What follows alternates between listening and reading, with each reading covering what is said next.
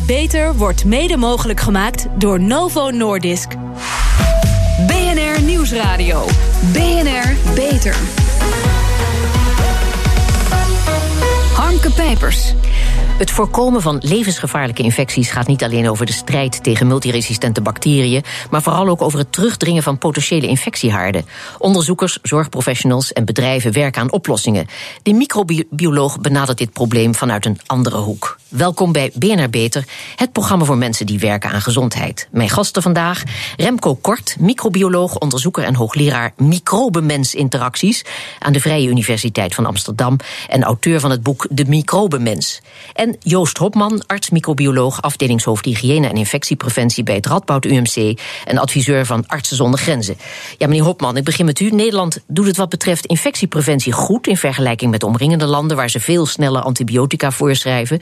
Maar dat wil niet zeggen dat we kunnen blijven toekijken, want multiresistentie neemt toe. Hoe groot is het probleem? Ja, het probleem is, uh, is uh, heel groot wereldwijd. Het is ook echt een wereldwijd probleem. Uh, met name in Azië, in China en India neemt de resistentie ongelooflijk snel toe. Ja.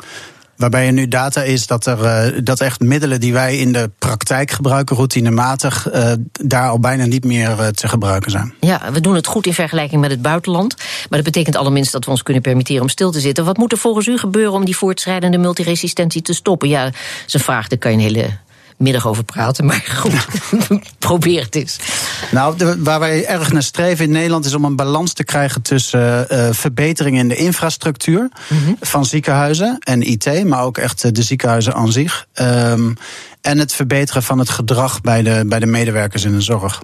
Ja, want die uh, handenwassen, uh, compliance wat dat betreft, daar ontbreekt het nogal aan. Hè? Lang niet voldoende. Handhygiëne is, uh, is een van de drie hele belangrijke pijlers binnen infectiepreventie. Maar ook reiniging en desinfectie van, van de omgeving en van medische instrumenten.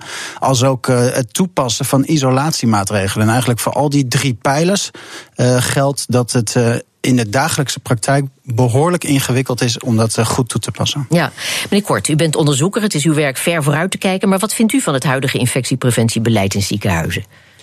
Ja, nou, waar ik natuurlijk een uh, pleidooi voor uh, hou, de, uh, je noemde het al even, ja. is om te kijken naar nieuwe oplossingsrichtingen en daar ook meer onderzoek aan te doen. Ja.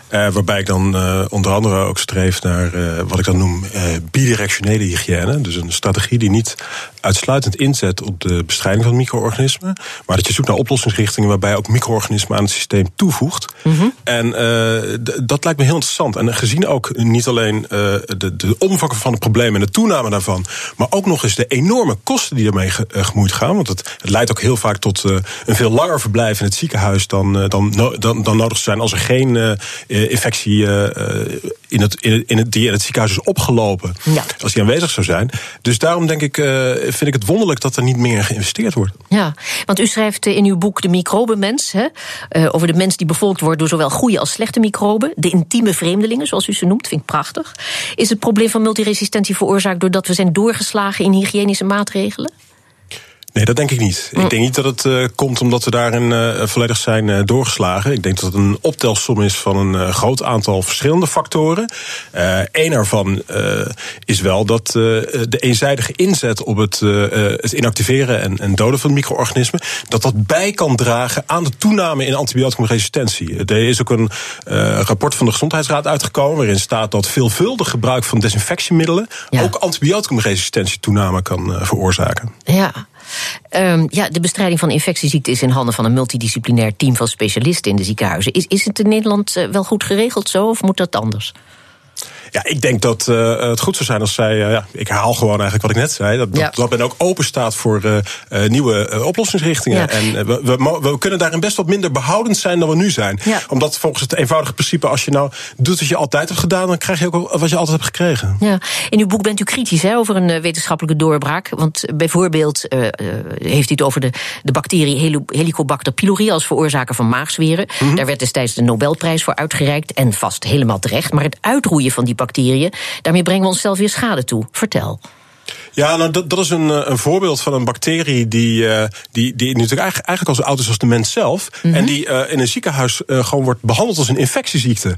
En dat vind ik wel heel verwonderlijk. En er is ook literatuur die laat zien dat die bacterie onder andere ook betrokken is bij bijvoorbeeld de regulatie van hormonen. En er is dus ook evidentie die laat zien dat bijvoorbeeld de kans op, op obesitas, of dik worden, verhoogd wordt op het moment dat je die bacteriën uitroeit. dus het is goed om ook de, de keerzijde, om oog te hebben voor de keerzijde van, van dat beleid. Ja, meneer Hopman, u, u heeft te maken, of u heeft veel te maken gehad met de bestrijding van ebola. Dat is nou bij uitstek een ziekte waarbij je niet denkt over van ja, er moeten misschien meer andere bacteriën bij. Hè? Zeker, maar, de, maar ebola en de bestrijding van ebola heeft ons wel heel veel geleerd. Ik ben in 2014 en 2015 bij de WHO betrokken geweest nadat het een eh, public health emergency of eh, international concern was uitgeroepen. Uh, in zowel Genève als in Sierra Leone. En wat we daar hebben geleerd is eigenlijk die drie basispijlers die ik net noemde. Het toepassen daarvan uh, was nou bij uitstek binnen, binnen de behandeling van ebola iets. Als je dat juist toe gaat uitvoert, dat er dan eigenlijk geen of heel erg weinig risico nog maar is op overdracht. Dus het fascinerende teruggaan naar de basis en daarvan leren, mhm. Eh, dat zouden we eigenlijk ook meer moeten toepassen hier in Nederland. Ja, de opleiding tot tropenarts eh, ligt ondertussen onder vuur. Het is even een zijstraatje, maar eh, het gaat ons aan.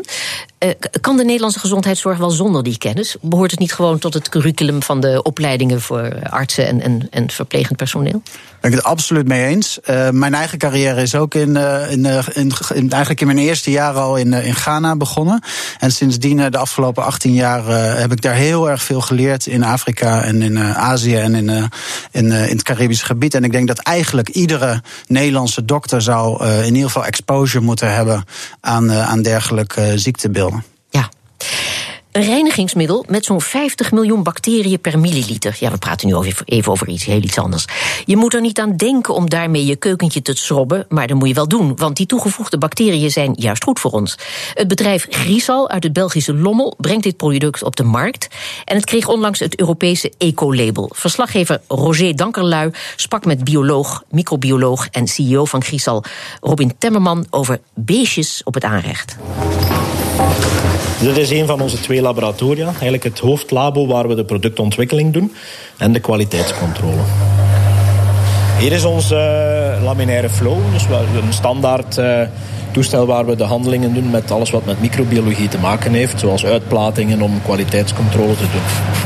De probiotische reinigingsproducten zien er helemaal hetzelfde uit als een klassiek reinigingsmiddel. Het enige verschil is dat je als extra actief ingrediënt de probiotica hebt, de goede bacteriën, die tijdens en na de reiniging op het oppervlak aanwezig blijven en daar hun ding gaan doen. Maar nou dacht ik dat reinigen juist het weghalen van bacteriën is. Nee, dat is ontsmetting. Dus dat is het grote probleem dat we de afgelopen tientallen jaren te veel hebben gedaan. Het proberen afdoden van micro-organismen, dat is voor niks nodig. Micro-organismen zijn goed, hebben we nodig. Enkel een aantal ziektekiemen, maar die kunnen we ook op een heel andere manier aanpakken. Ontsmettingsmiddelen, bouwen resistentie op, waardoor ze steeds sterker worden. Vandaar het alternatief probiotische reiniging waar je niks afdoodt, waar je gewoon zorgt dat je permanent een goede microbiologie hebt op je oppervlakken met goede veilige bacteriën. En dan is er veel minder risico op aanwezigheid van ziektekiemen. En hoe werkt dit nou concreet? Want we hebben nu dit eh, oppervlak van deze keukentafel hebben we ingesmeerd met uh, dat middel. In het product zit nog altijd ook chemie, milieuvriendelijke chemie weliswaar. Maar het speciale, de probiotica, die blijven na de reiniging aanwezig op het oppervlak en gaan daar gedurende dagen lang organische vervuiling die nog in het oppervlak aanwezig is, gaan wegwerken, waardoor het oppervlak veel zuiverder wordt en er een veel minder voedingsbron is voor andere micro-organismen. En wat voor klant heeft u nou eigenlijk? We zijn begonnen de producten te ontwikkelen uh, en te valideren in de ziekenhuizen, omdat daar de problematiek van resistente ziektekiemen en vervuiling uh, het meest kritiek is. Uh, na tien jaar onderzoek hebben we eindelijk ook het Europese ecolabel gekregen op die technologie.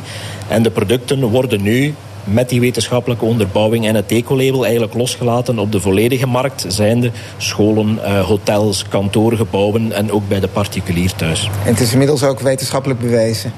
Het is na tien jaar onderzoek wetenschappelijk bewezen. Dus we hebben in heel veel ziekenhuizen onderzoek gedaan, ook in Nederlandse ziekenhuizen. En we merken dat we na al die jaren gemiddeld 54% minder infecties hebben in een ziekenhuis, wat toch wel heel wat mensenleed uh, en kosten bespaart. Nu pas staan we aan de start van echt de commerciële uitrol van, van deze technologie. Waar we heel veel geïnvesteerd hebben in de productkwaliteit, in de wetenschappelijke onderbouwing. En nu moeten we inderdaad gaan zien hoe we op zo efficiënt mogelijke manier eh, de mensen, zowel professioneel als, als thuis, vertrouwd maken eh, met deze technologie. Ja, u hoorde Robin Temmerman van Griesal in gesprek met BNR-verslaggever Roger Dankerlui. Ja, meneer Kort, Remco Kort, ere wie ere toekomt. U heeft ons attent gemaakt op dit bedrijf. Bent u aandeelhouder? Nee, ik heb verder geen uh, financieel belang bij dit bedrijf. Oh ja, dat is een heel gewone vraag hoor, bij ja, BNR. nee, ik snap het. Ja. Maar is dit het voorzichtige begin van een ommekeer waar u zo voor bent? Ja, inderdaad. Dat Ja? eh, ziet u goed. Mooi. Goed. Nou, meneer Hopman, wordt u hier ook blij van? Ik vind het een fascinerende approach. eh, maar ik ben de, de- het Radboud UMC in het algemeen zijn ongelooflijk voorstander van innovatie. Eh, maar alleen het moet inderdaad evidence-based zijn. En het moet netjes aangetoond zijn dat het eh, geen schade berokkent. En dat het een toegevoegde waarde heeft eh, voor onze patiënten. Ja, klinkt heel verstandig. Maar ondertussen heb u het al in huis? Wij hebben het nog niet in huis, omdat het ook nog niet, eh, zover ik weet, eh, voor de Nederlandse markt eh, gecertificeerd Ah is. ja, daar gaat er vast van komen. Remco Kort, wel, je poetst wel met, met, met dit spul? Nee, dat nog niet. Het zit, het zit er nog niet in mijn tandpasta eh, voor zover. Oh, je bedoelt gewoon eh, Ja. op, de, op de aanrecht? Nee, Ja. nee, nee, dat eh, doe ik ook nog niet. Ik heb het inderdaad op de Nederlandse markt zelf ook nog niet zoveel kunnen Nee. ontdekken. Maar eh, en wat ik eigenlijk wel toe wil voegen is dat, dat het wat mij betreft, wat ook de ziekenhuizen in Nederland betreft, is het natuurlijk helemaal niet nodig om zo'n afwachtende houding aan te nemen. Want dat Mhm. is natuurlijk ook al, al mogelijk met bestaande, in de, vanuit de bestaande situatie. Kijken of we het voortouw kunnen nemen. Ja. in plaats van afwachten tot er iets in de wetenschappelijke literatuur verschijnt. Ja, meneer Hopman? Ehm, zeker, maar de, de approach die wij eigenlijk nemen, de benadering is dat wij eh, die infrastructuur waar ik eh, zojuist over gesproken heb, om dat proberen die te veranderen. Dus als we nou kunnen zorgen met elkaar dat we minder hoeven te reinigen en desinfecteren, dan hebben we ook minder middelen nodig. En eh, dat doen wij dus wel in de praktijk. Dus we hebben bijvoorbeeld een van de bronnen in de Nederlandse ziekenhuizen, de wasbakken. Wasbakken zijn echt een bron voor multidrukresistente bacteriën. Die hebben wij op onze IC verwijderd van de patiëntenkamers. Om daarmee dus minder te hoeven reinigen en desinfecteren. Dus in feite is dat een andere benadering. En hebben we ook gepubliceerd. af- een jaar geleden. Ehm, en daarmee, dat is dus een nieuwe benadering. Maar Waarmee je- artsen wassen te weinig hun handen en de, de, de wasbakken worden verwijderd. Hoe zit dat? Nou, wat, waar het om gaat, eh, volgens de richtlijnen van de World Health Organization, is dat je handhygiëne moet toepassen. En de aanbeveling is om, om dus eh, alcohol-based handrub te gebruiken. Ehm, En alleen indien je handen zichtbaar verontreinigd zijn, hoef je je handen te wassen. Dus in de dagelijkse praktijk in Nederlandse ziekenhuizen wassen wij onze handen niet meer. Of heel, heel sporadisch. Zonder bacteriën is er geen leven. Hoe kunnen we deze beestjes inzetten om gezond te worden en te blijven? Hoort u meer over na de reclame. Nieuwsradio. BNR Beter.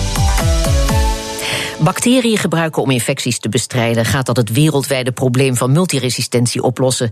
Daarover praat ik verder met Remco Kort, microbioloog, onderzoeker en hoogleraar microbenmens-interacties aan de Vrije Universiteit van Amsterdam. En auteur van het boek De Microbenmens. En Joost Hopman, arts, microbioloog, afdelingshoofd hygiëne en infectiepreventie bij het Radboud UMC. En adviseur bij Artsen zonder Grenzen. Ja, meneer Kort. Eh, dit bedrijf waar we het over hadden, dat werkt ook voor ziekenhuizen. Dat Griesal, hè? Het concept is wetenschappelijk onderbouwd. U gelooft in een ziekenhuis vol bacteriën. Wordt uw idee al ergens voorzichtig toegepast? Nou, voor zover ik weet, eh, zijn er een aantal hele interessante studies die, eh, die lopen in Europa in een aantal verschillende ziekenhuizen. Dat is, dat is in ieder geval wat ik kan zien in de wetenschappelijke literatuur. En daar hebben ze eerst gekeken van is het, is het wel veilig om dit te doen? Want je praat natuurlijk over bacteriën van. Eh, die sporenvormend zijn. Want het zijn over het algemeen die sporen die in die eh, middelen terechtkomen. En dat heeft te maken met, eh, ja, met dat je op die manier stabiele formulering kunt maken. En je moet natuurlijk wel kijken van op het moment dat je die middelen in een ziekenhuis op een wand aanbrengt. Eh, of, of, of er dan geen risico voor patiënten bestaat. Nou, Ja. en de- en die, die veiligheid, want dit zijn dan een type bacteriën die over het algemeen niet als ziekteverwekkend te boek staan. Daarmee lijkt het, eh, zo- zoals het naar de eerste eh, resultaten uitziet, zie- zie- ziet het er dus heel goed uit. Dus dat is, dat is laten we zeggen, het eerste deel van het onderzoek. Eh, verder is er onderzoek gedaan waarbij ze hebben gekeken naar de mate waarin antibioticumresistente genen voorkomen in bacteriën. En eh, ook daarvan hebben ze vastgesteld, weer door te kijken naar oppervlaktes in ziekenhuizen, dat die, dat die afneemt Alleen uiteindelijk wat je natuurlijk heel graag zou willen zien, is dat ook het aantal uh, ziekenhuisgerelateerde infecties afneemt. Mhm. En die onderzoeken heb ik zelf nog niet kunnen vinden. Ah ja. Meneer Hopman, uw collega Andreas Vos, hoogleraar infectiepreventie, gelooft hier niet in en zegt dat er geen goede bacteriën bestaan voor patiënten zoals bijvoorbeeld te vroeggeboren baby's. Terwijl de vaginal smear op de kraamkamer steeds meer wordt toegepast om eh, de baby vooral bacteriën van de moeder mee te geven, zodat hij meteen kan beginnen aan zijn eigen bacteriekolonie. Hoe staat u daar tegenover? Deelt u de mening van Andreas Vos of juist niet?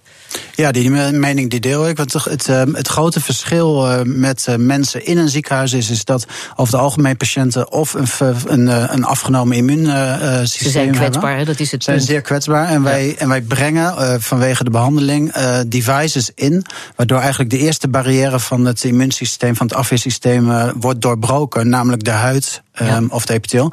En dan kan dus een normale, gezonde uh, of goede bacterie kan op een plek komen, bijvoorbeeld in de bloedbaan, waar die dus ziekte of zelfs sterfte kan veroorzaken. Ja, je zou er eigenlijk voor moeten zorgen, zoals patiënten tegenwoordig voor een operatie ook uh, worden gevoed, hè, want heel veel mensen zijn ondervoed. Zou je moeten zorgen dat patiënten voordat ze het ziekenhuis gaan, althans voor een geplande operatie, dat ze uh, de, de bacteriehuishouding op orde hebben? Zoiets. Ja, voordat je, voordat je in een ziekenhuissetting überhaupt al bent. daar kan ik zo ook iets bij kunnen voorstellen. Maar ook daarvan is er eigenlijk nog geen, geen fatsoenlijk bewijs gepubliceerd, zover ik weet. Ja. Meneer Kort, vanuit wetenschappelijke hoek is er steeds meer aandacht voor voeding en ziekte. En u pleit in uw boek ook voor gefermenteerd voedsel, zoals zuurkool, karnemelk en yoghurt. En u was betrokken bij een project in Afrika waarbij poedertjes met bacteriën op de markt zijn gebracht voor het produceren van yoghurt. Voor het herstel van de darmflora van kinderen met levensbedreigende diarree. Moeten we een deel van de oplossing van het probleem dus in voeding zoeken?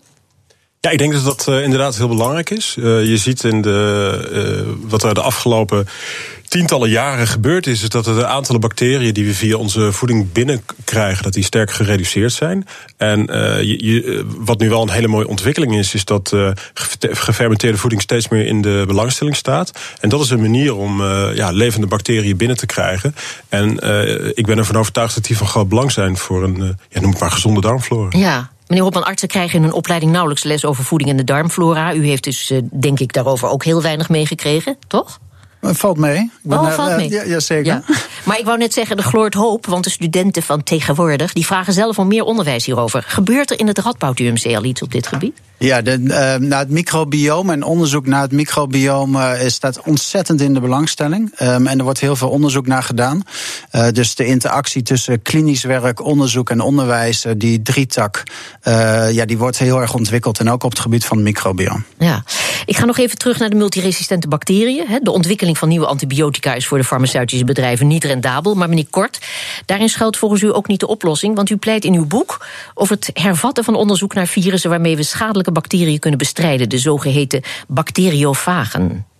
Ja, dat klopt inderdaad. Ik, uh, ik hou een heel warm pleidooi voor, uh, nou, zoals ik net al zei, eh, verschillende oplossingsrichtingen. Maar we moeten ook veel meer naar de, naar de natuur kijken. En als we in de natuur zelf uh, kijken naar de belangrijke vijanden van bacteriën, dan staan die bacteriofagen wel met de stip op, op één. Het is echt een beetje de meest voorkomende biologische entiteit op aarde. Ja. En ze zijn heel efficiënt in het, in het doden van bacteriën. Ja. Dus op het moment dat je het hebt over infecties, waar zeker die gevallen waarbij dus antibiotica ons geen oplossing meer kunnen bieden is het heel interessant om bacteriofagen daarvoor als, uh, als, als middel te gebruiken. Meneer Hopman, gebeurt er in het Radboud ook al iets op dat uh, gebied? Ja, helaas hebben wij inderdaad uh, recent afgelopen jaar een, een, aantal patiënten gehad waarbij we eigenlijk geen antibiotische mogelijkheden meer mm -hmm. zagen. En daar hebben we inderdaad in een aantal gevallen hebben wij de, ook de optie van bacteriofagen geëxploreerd en ook toegepast. Ja, uh, even naar het eind van uw boek. Ja, er staan zoveel onderwerpen in. We kunnen echt hier uren over doorpraten. Dat is ook een cliché, maar het is waar. U beschrijft in uw boek, en dat zijn niet uh, uw ideeën, maar ook die van andere wetenschappers, een bijna geestige gedachte over het ontstaan van het leven op aarde en de oerknal. Uh, want dat zou het gevolg zijn van een panspermia. Overal in het ruimte zijn sporen die bekend staan als uh, kiemen waaruit het leven kan ontstaan. En er moet een enorme oerknal geweest is met een enorme ejaculatie. goed, en het, de rest van het leven kwam daaruit voort. En als we uitgaan van de theorie van transpermia en panspermia en het idee dat het leven op onze planeet een buitenaardse afkomst heeft want dat, dat heeft het. Die sporen kunnen dus miljoenen jaren leven voordat ze weer ergens anders tot ontwikkeling komen. Dan uh, zou het DNA van de bacterie wel eens een boodschap uit de ruimte kunnen bevatten. Ja, dat, is, uh, dat, dat staat in een uh, heel interessant stukje in uh, Nature. Dat gepubliceerd werd. waarin een volledige DNA-volgorde van zo'n spoorvormende bacteriën werd, werd opgehelderd. En ik vond het zo'n briljant idee dat ik dat heb overgenomen. Ja. het komt inderdaad niet van mezelf, zoals je al nee, zei. precies. Nou ja, maar als, als wetenschapper heb je heel veel fantasie nodig. En ik weet ook uit de mond van wetenschappers dat.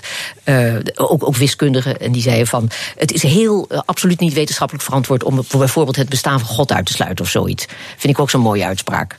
Toch? Ja, inderdaad. Ja, God voert wel ver vandaag. Hartelijk dank, want we zijn door de tijd heen. Remco Kort, hoogleraar microbiologie aan de Vrije Universiteit... en Joost Schopman, arts-microbioloog... afdelingshoofd hygiëne en infectiepreventie bij het Radboud UMC. Pioniers in de zorg. Onze zorgredactie speurt naar interessante medische innovaties... binnen en buiten de muren van de universiteit. Waar werken ze daaraan en wat moeten we erover weten? Kelly Nijhoff. Ja, dit gaat over hartritmestoornissen als je op je zij slaapt. Dat is de uitkomst van een pilotstudie. De onderzoeksvraag komt uit een heel bijzondere hoek, vertel ik zo meer over. Maar even terug naar het onderzoek. Alle onderzoeken waren er tot nu toe op gericht op het beter onderzoeken van de elektrische geleiding van het hart. Maar er zijn steeds meer aanwijzingen dat ook het uitrekken van de hartspier ritmestoornissen kan veroorzaken of verergeren. En onderzoekers hebben nu onderzocht dat als je op je zij ligt, je dus meer kans hebt op hartritmestoornissen. Ja, hoe werkt dat dan? Nou, je hart hangt aan bepaalde ophangpunten aan de achterzijde van je borstholte. En die worden meer belast als je op je zij slaapt. Dus vooral voor hartpatiënten belangrijk om te weten. Ja, dus liever niet op je zij gaan liggen als je hartpatiënt bent. Tenzij nou, met een snelbinder. Dat durven ze nog niet uh, hard te maken. Het is een begin van een nieuwe onderzoekslijn. We luisteren even naar cardioloog Lucas Dekker uit Catharina Ziekenhuis. Ja, dit idee nu hebben, eigenlijk vanaf, vanaf twee kanten. Zowel dus vanuit het uh, cardiologisch laboratorium in Bordeaux. Maar ook door uh, bij patiënten te informeren wat ze voelen en hoe dat gaat. We brengen zeg maar, een patiëntencommunity heel dicht bij wetenschappelijk onderzoek. Uh, en dat, dat klopt dus heel goed met onze ja, hypothese uh, vanuit het laboratorium. Nou, die patiëntcommunity waar deze cardioloog over praat heet Hartvolgers. Bedacht en opgezet door hartspecialisten. Patiënten en artsen kunnen zich hierbij aanmelden. En daar is dus een heel gerichte onderzoeksvraag uit voortgekomen. Ja. En met succes dus. Is het niks voor de Hartstichting? Nou, daar zijn, um, daar zijn de artsen achter deze website mee in gesprek. Dat platform wordt heel goed bezocht. Duizend bezoekers per dag gemiddeld. En, maar voor deze bevlogen artsen is het een beetje een uit de hand gelopen project geworden van liefdewerk oud papier. Ja, nou mooi. Als dit navolging krijgt, dan gaan we een andere keer erover doorpraten. Dankjewel, Kelly Nijhoff.